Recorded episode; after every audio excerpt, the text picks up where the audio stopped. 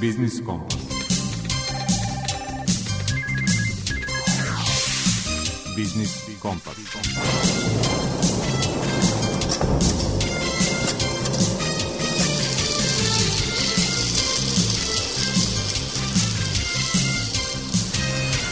Pred mikrofonom je Đuro Vukelić.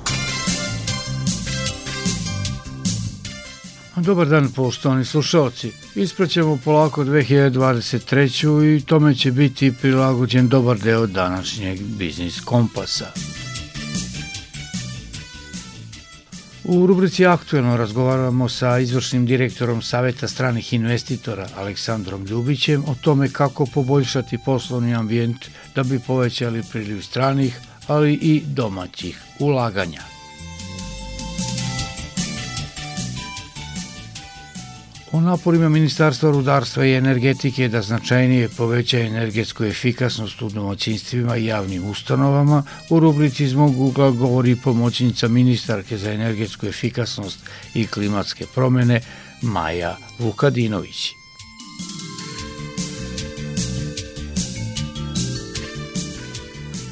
o javnim pozivima Fonda za inovacijonu delatnost aktivnim do 1. aprila 2024. U rubrici Svet preduzetništva govori rukovodilac projekata o regionalnoj razvojnoj agenciji Bačka Marija Prokopić.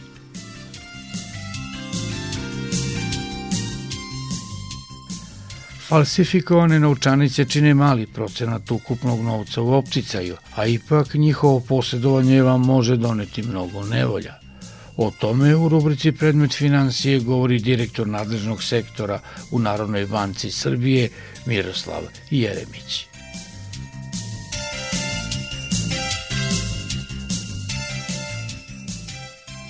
koji pod kojim uslovima može da postane energetski zaštićeni kupac u rubrici Potrošačka korpa prava objašnjava predsjednik Udruženja za zaštitu prava potrošača Prosperitet Radomir Ćirilović.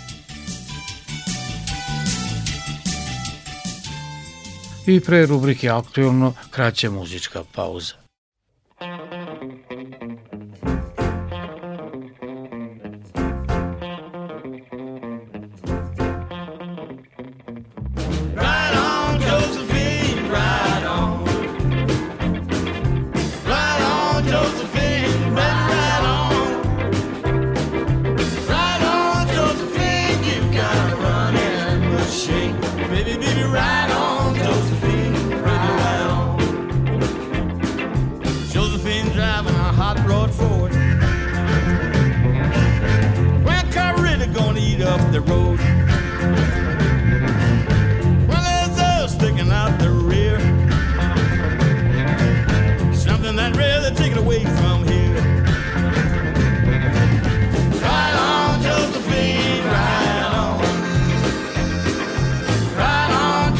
it right.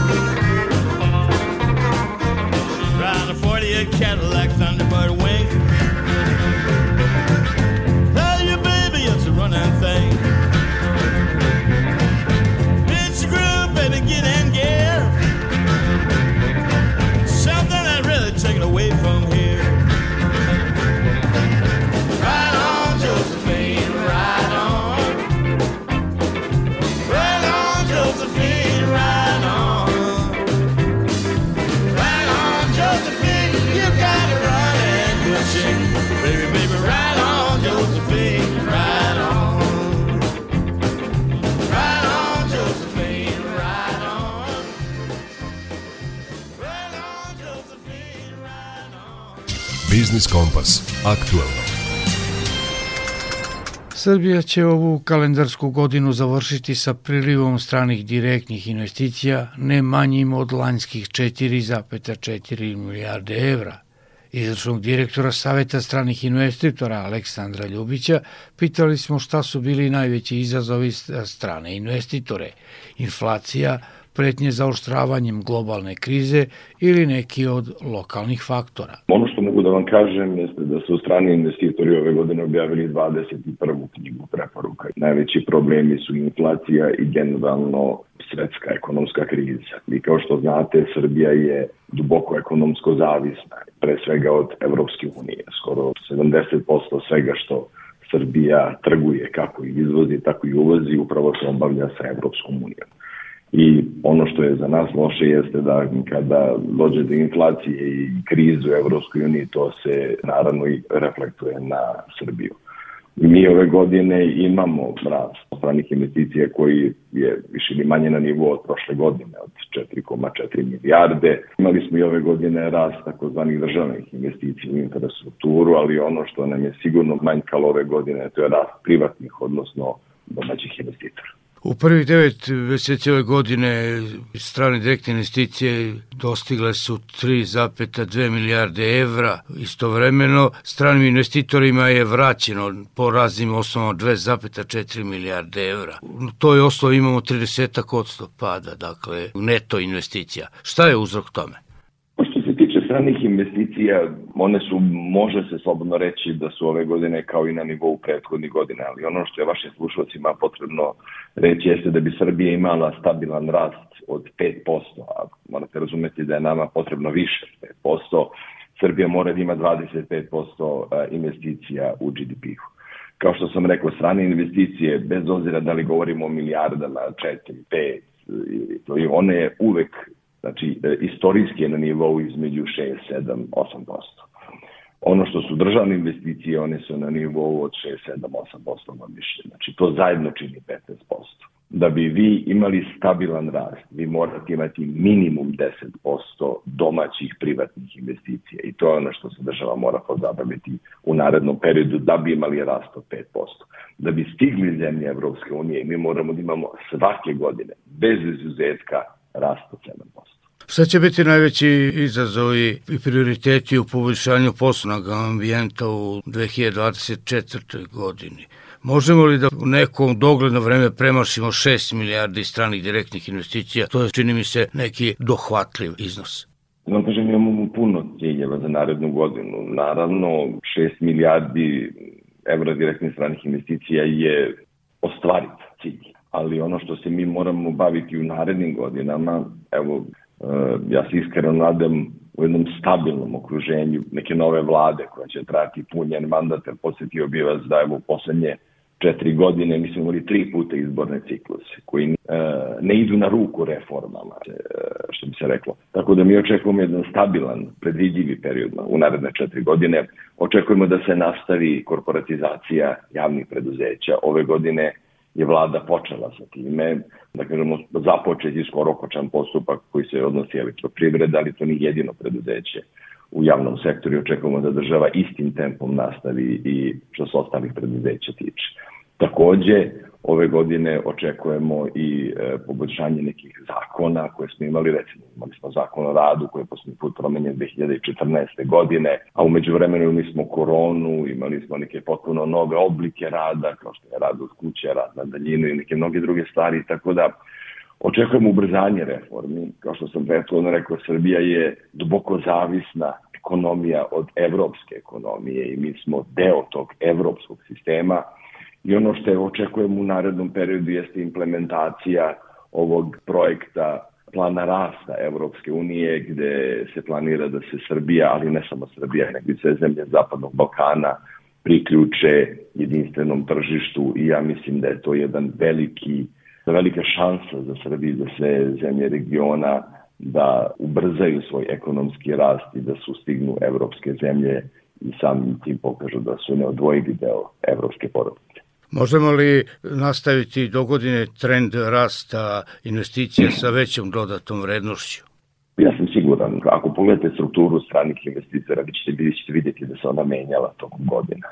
Kada jedna zemlja postane prihvatljiva za strane investitore, stabilna, predvidiva, ona samim tim i privlači sve veći broj investicija. Ono što je jedini limit, da kažem, u tome jeste dostupnost radne snage.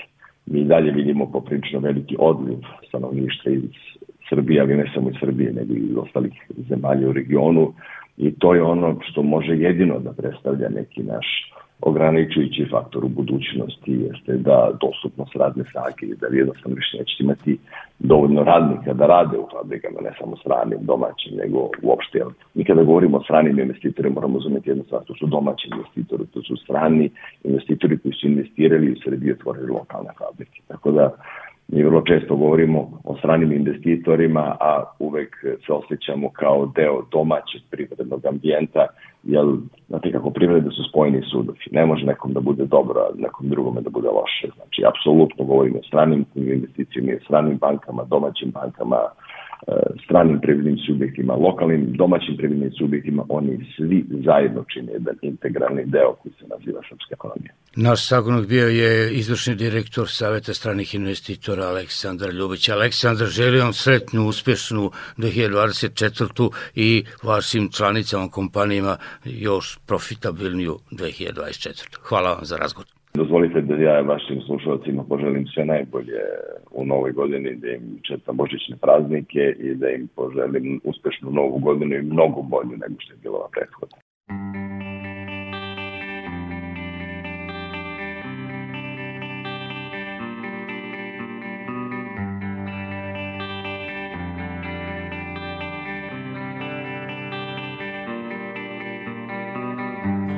drink the water from my hand? Contagious as you think I am.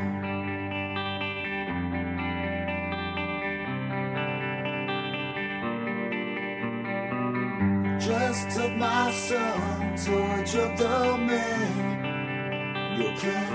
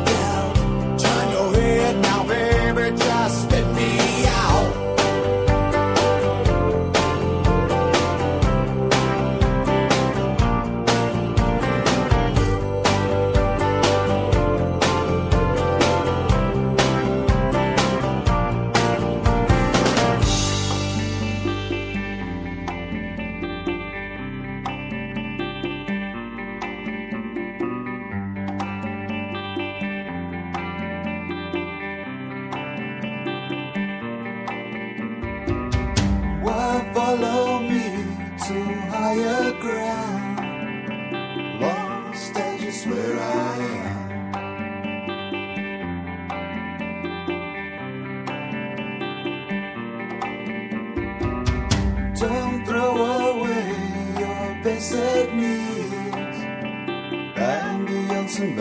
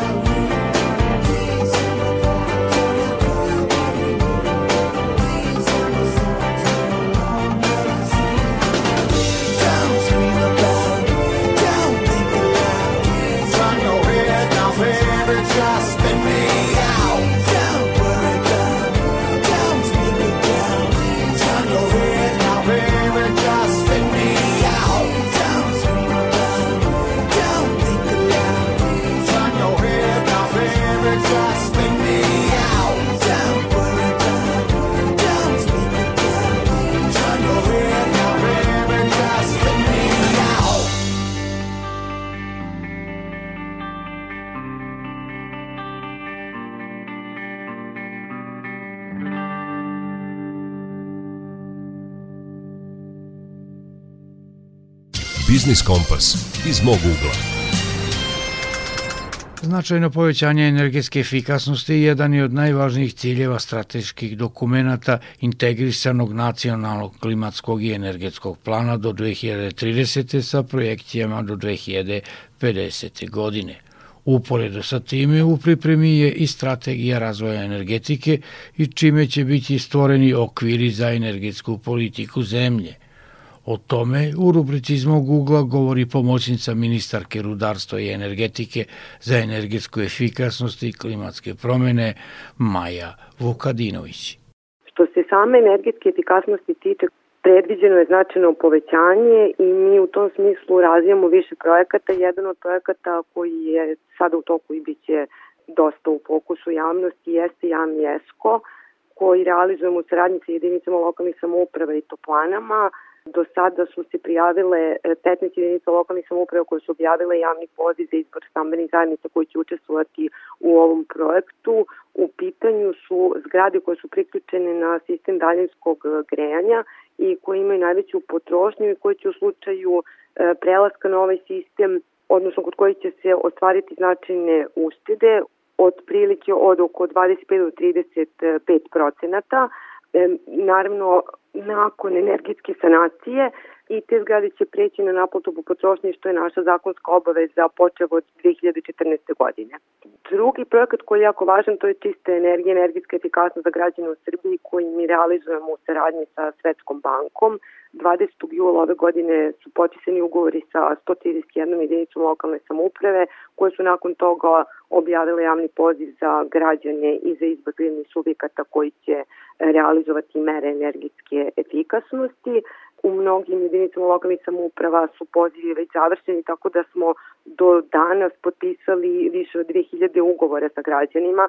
E, tačnije ugovore su potpisali građani sa jedinicama lokalnih samouprava i sa izabranim izvođačima radovi. Očekujemo da ti radovi budu jako brzo završeni. Velika je bila zainteresovana za ovaj projekat, tako da smo u nekim gradovima i aneksirali ugovori i obezbeđivali dodatna sredstva. Isto tako, važan je projekat energetske sanacije javnih objekata. U oktobru mesecu smo potpisali ugovore sa 21 jedinicom lokalne samouprave e, i realizacijom ovog projekta će se sanirati oko 21 e, javni objekat. Tako da su to neki od značajnijih projekata koje ministarstvo realizuje, koje će trajati narednih godina i mi očekujemo da ćemo e, uspeti da ostvarimo ciljeve koji su predviđeni ovim strateškim dokumentima i da će zeleni izvori energije biti dominantni u našem energetskom miksu za razliku od sadašnje situacije gde se dalje primarno oslanjamo na upotrebu fosilnih goriva.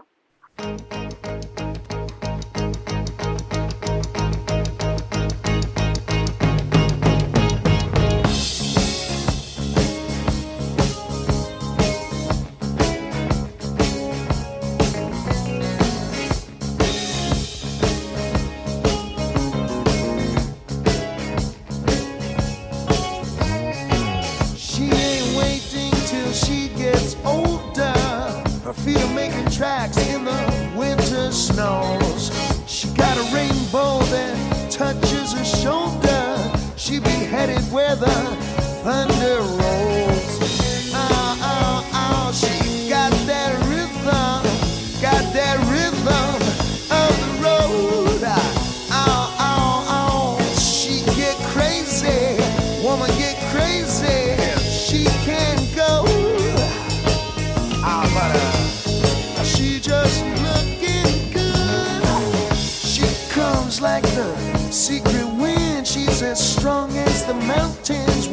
tall as a tree. she been there before, she'll never give in. She'll be gone tomorrow like the sun.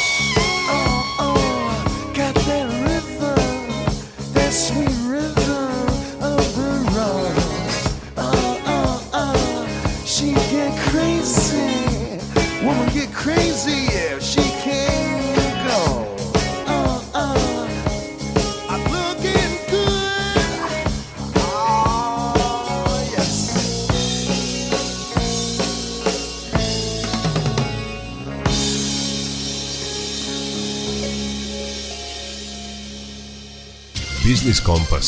Svet preduzetništva. Program Fonda za inovacijonu delatnost pod nazivom Srbija i Evropska unija za inovacije, kontinuirano investiranje inovacija u ekosistem Srbije, tema je današnje rubrike Svet preduzetništva. O uslovima konkursa govori rukovodilac projekata u regionalnoj razvojnoj agenciji Bačka, Marija Prokopić. Ovo je inače drugi javni poziv a, sa ovom tematikom koji je vredan 10,3 miliona evra za projektno finansiranje privatnog i akademskog sektora Srbije u okviru IPA projekta povećanje inovacionih kapaciteta i rasta malih i srednjih preduzeća.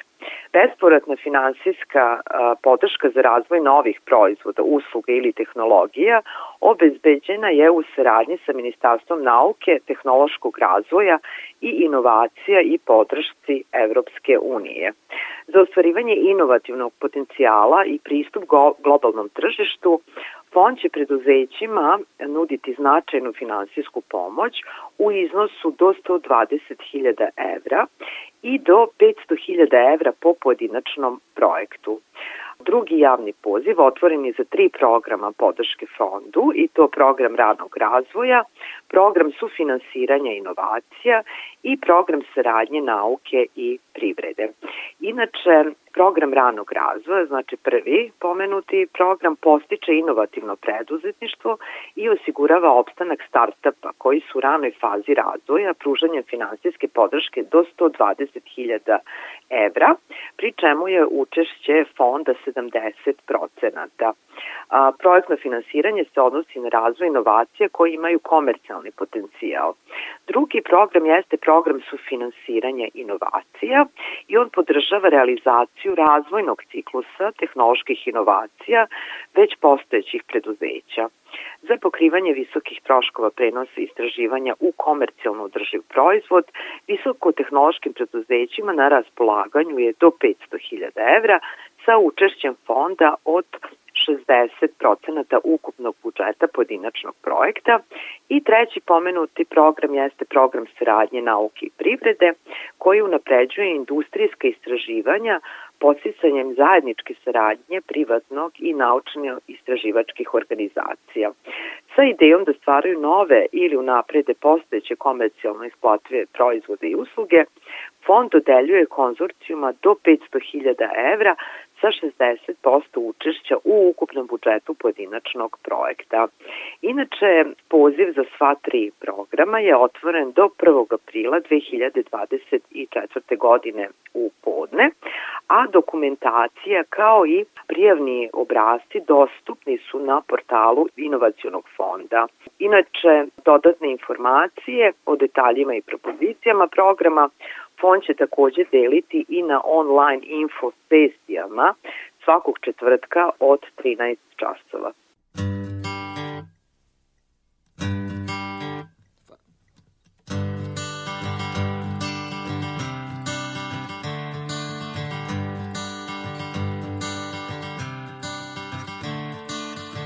Another turning point, a fork stuck in the road. Time grabs you by the wrist, directs you where to go. So make the best of this test and don't ask why. It's not a question, but a lesson learned in time. It's something unpredictable, but in the end is right. I hope you had the time of your life.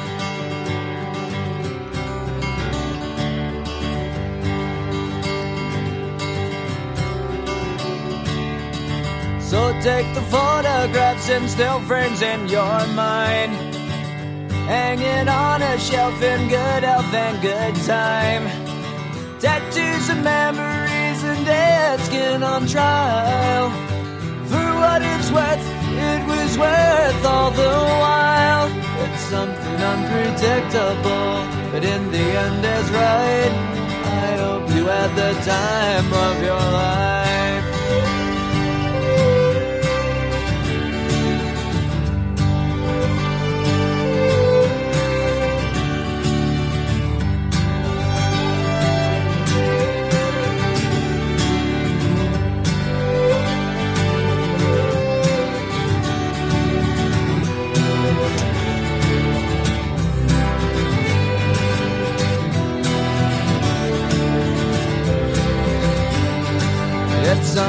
Unpredictable, but in the end it's right.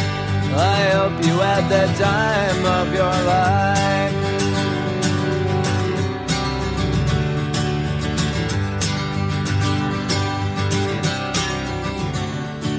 It's something unpredictable, but in the end is right. I hope you had the time of your life.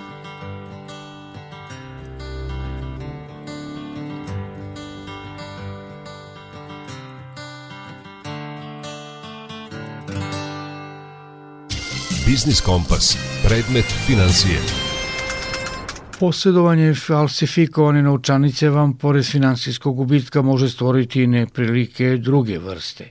Kako ih izbjeći i koje se zapravo dinarske strane novčanice najčešće falsifikuju, objasnit će nam direktor odeljenja za nacionalne centre za borbu protiv falsifikovanja i za analizu novčanica i kovanog novca u Narodnoj banci Miroslav Jeremić periodu januar-septembar 2023. godine Narodna banka Srbije otkrila je ukupno 2130 komada falsifikovanog novca, od čega su 1305 komada dinarske novčanice, 825 komada efektivni strani novac. Najčešće falsifikovani apoeni kod dinarskih novčanica su apoeni 2000 dinara, 1000 dinara i 500 dinara upravo tim redosledom i zajedno ova tri apoena čine oko 90% falsifikovanih dinarskih novčanica. Kod efektivnog stranog novca najčešće se falsifikuju novčanice evra, ima ih ukupno 498 i to apoeni od 200, 100 i 50 evra, pri čemu imamo i prisutne falsifikate dolarskih novčanica, ukupno 324, od čega su dominantni apoeni od 100 i nešto manje apoena od 50 dolara. Verovatnoća da građanin Srbije dođe u posjed falsifikovane dinarske novčanice je veoma mala. To je od 2,3 komada na milion komada dinarskih novčanica u opticaju. Ipak, Ako se desi situacija da se zbog kvaliteta papira novčanice ili njenih zaštitnih elemenata posumnja u ispravnost novčanice, građanin ima obavezu da takvu novčanicu odnese do najbliže policijske stanice ili do najbliže banke. I u jednom i u drugom slučaju novčanica će biti zadržana, a dobit će se potvrda u kojoj će se navesti apoen i serijski broj novčanice, nakon čega banka, odnosno MUP, šalju novčanicu na ekspertizu Narodne banci Srbije koja proverava njenu autentičnost i nakon toga se dobija izveštaj u kome će pisati da li se radi o falsifikatu ili originalu i u zavisnosti od toga građanin dobija svoju novčanicu natrag, naravno ako je original, ukoliko se radi o falsifikatu, novčanica se zadržava u Narodnoj banci Srbije bez nadoknade. Ukoliko bi došlo do toga da građanin koji već ima sumnju prema nekoj novčanici, bez obzira da li ona dinarska ili, ili u pitanju strani novac, dakle ako već ima sumnju da li je novčanica ispravna, recimo ode u menjačnicu, pa tamo menjač neće da prihvati novčanicu jer je sumnjiva, a on uporno pokušava da je negde proda, onda se u toj situaciji građanin izlaže riziku da počini krivično delo falsifikovanja novca za koje je zaprećena kazna zatvora do tri godine. Sada se postavlja pitanje kako prepoznati falsifikovanu novčanicu. Narodna banka Srbije kao i većina centralnih banaka na svojoj internet prezentaciji ima prikaz originalnih novčanica. Na pomenutoj internet stranici www.nbs.rs građani se mogu upoznati sa dimenzijama novčanica, sa osnovnom bojom, glavnim motivom i svim zaštitnim elementima, pri čemu imaju prikaz u obliku uvećanih, fotografisanih detalja novčanice i kratkih filmova koji objašnjavaju na koji način se može proveriti zaštitni element. Za ovu priluku evo, navešćemo recimo da jedan od zaštitnih elemenata, najvažniji u stvari, je kvalitet papira jer se za izradu originalnih novčanica koristi takozvani zaštićeni papir u koji se prilikom izrade ugrađuju izvesni zaštitni elementi, na primer vodeni žig. Kada podignete novčanicu prema izvoru svetlosti, vi možete u delu gde novčanica nije obojena, to je sa desne strane ako gledamo lice novčanice, videti isti motiv, dakle glavni lik koji se nalazi sa leve strane novčanice koji je odštampan, jasno vidljiv. Ukoliko ne vidite u tom delu lik, dakle nedostaje zaštitni element, novčanica je falsifikovana. Moguće je da falsifikator imitira ovaj zaštitni element, ali vi poređenjem tog zaštitnog elementa sa zaštitnim elementom na originalnoj novčanici možete videti u kojoj meri je taj zaštitni element jasan. Falsifikatori naravno u nedostatku adekvatnog materijala to jest originalnog papira, pokušavaju imitaciju, ali ona ne može da uspe i taj vodeni žig nije tako jasan i nema takve detalje kakve ima originalni. Recimo još jedna stvar je karakteristična i može se proveriti bez posebnih pomagala, to je pitanje duboke štampe. Naime, kad se štampa originalna novčanica, primenjuje se i ravna štampa, ali i duboka štampa. I onda imate situaciju da kad noktom ili jagodicom prstiju pređete preko lika, glavnog lika na novčanici, osetit ćete neravnine, izvesnu hrapavost na originalnoj novčanici. To je posledica nanosa boje na papir gde se boja nalazi iznad nivoa papira. Ako uzmete falsifikovanu novčanicu i istu proveru izvršite, dakle pređete prstima preko glavnog motiva na novčanici, tu ćete imati glatku površinu zbog toga što je falsifikator kopirao tu novčanicu i nema efekat duboke štampe.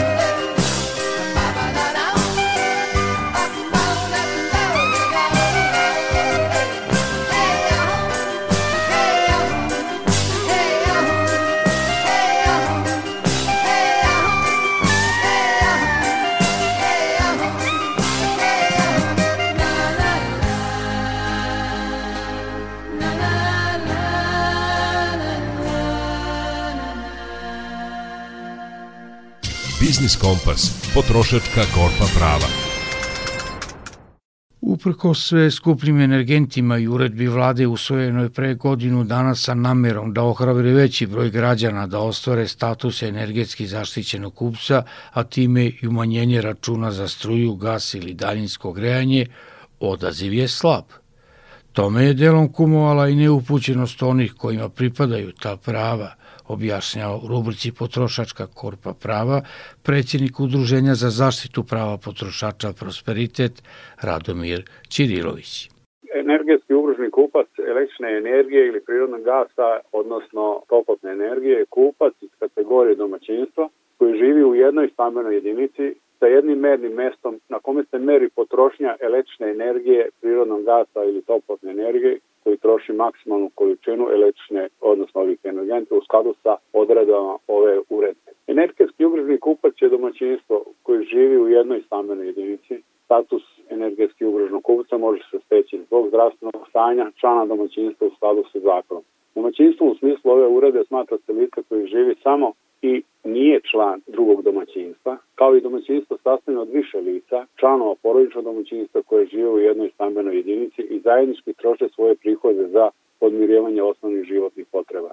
Važno je napomenuti da se čita procedura u vezi sa sticajem statusa energetski ugroženog kupca sprovodi lokalnom samoupravom prema prebivalištu podnosioca zahteva, pa su one ujedno i adresa za sva pitanja koji građani imaju.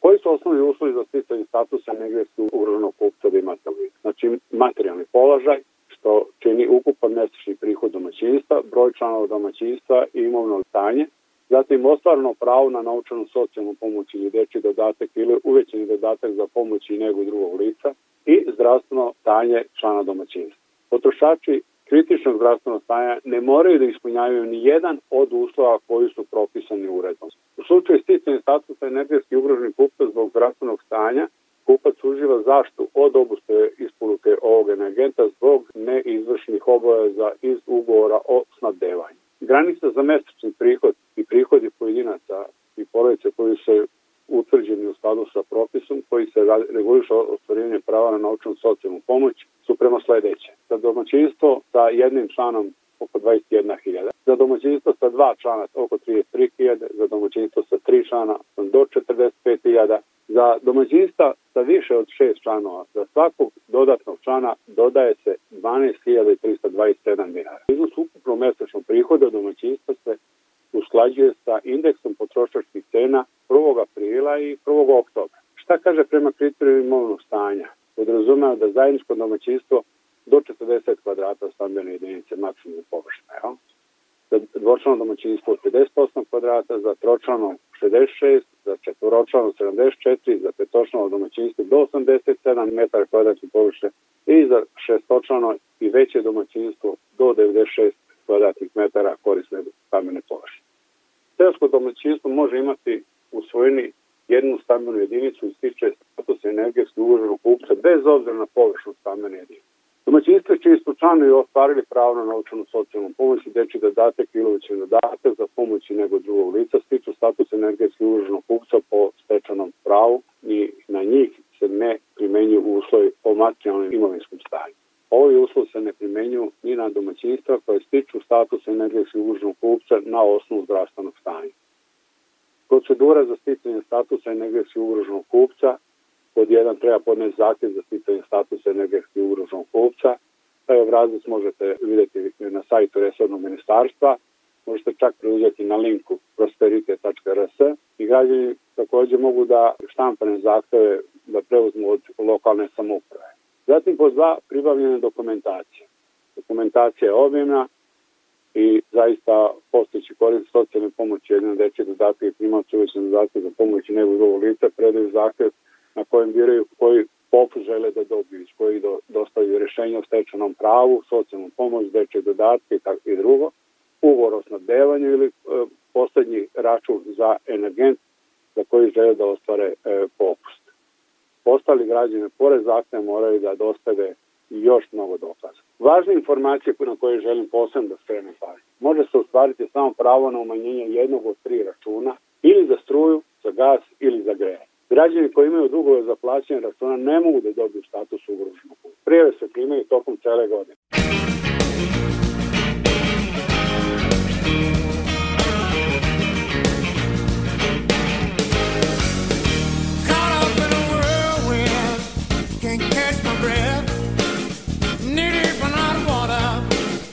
broke out the.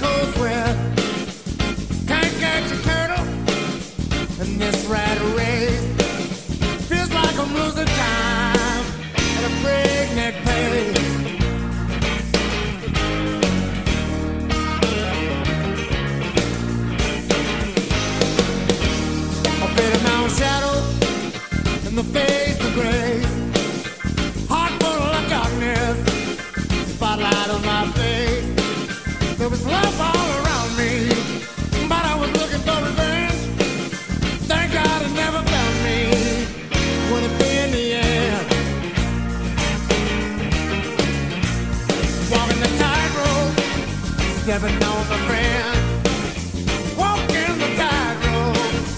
was a shame in the sand.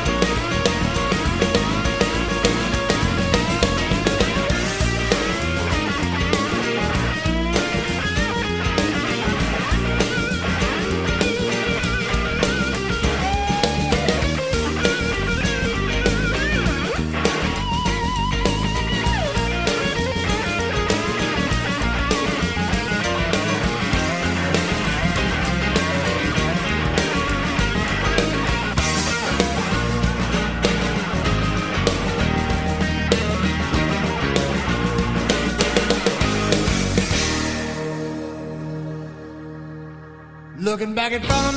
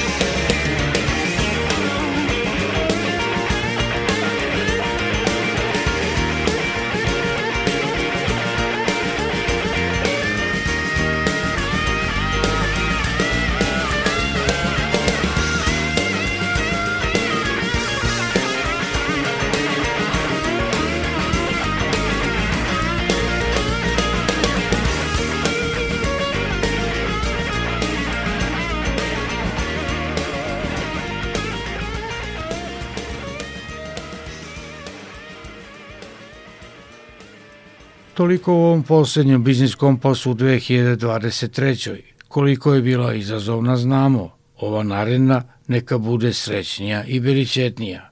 To vam želi tim koji je realizovao današnju emisiju. Muzički urednik Zoran Gajinov, ton majstor Jovan Gajić i urednik emisije Đuro Vukerić. Ponovo se uz Biznis Kompas družimo idućeg utorka, drugog dana u novoj godini. Zdravi bili i čuvajte se.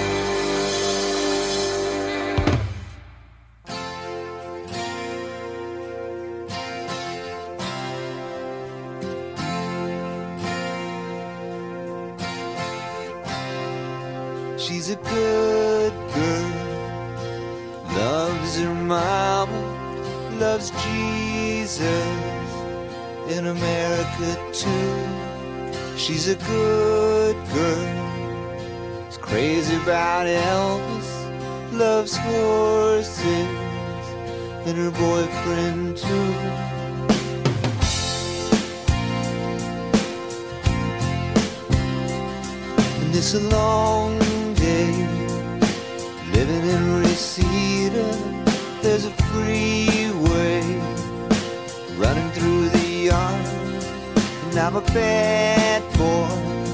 Cause I don't even miss her. I'm a bad boy for breaking her heart.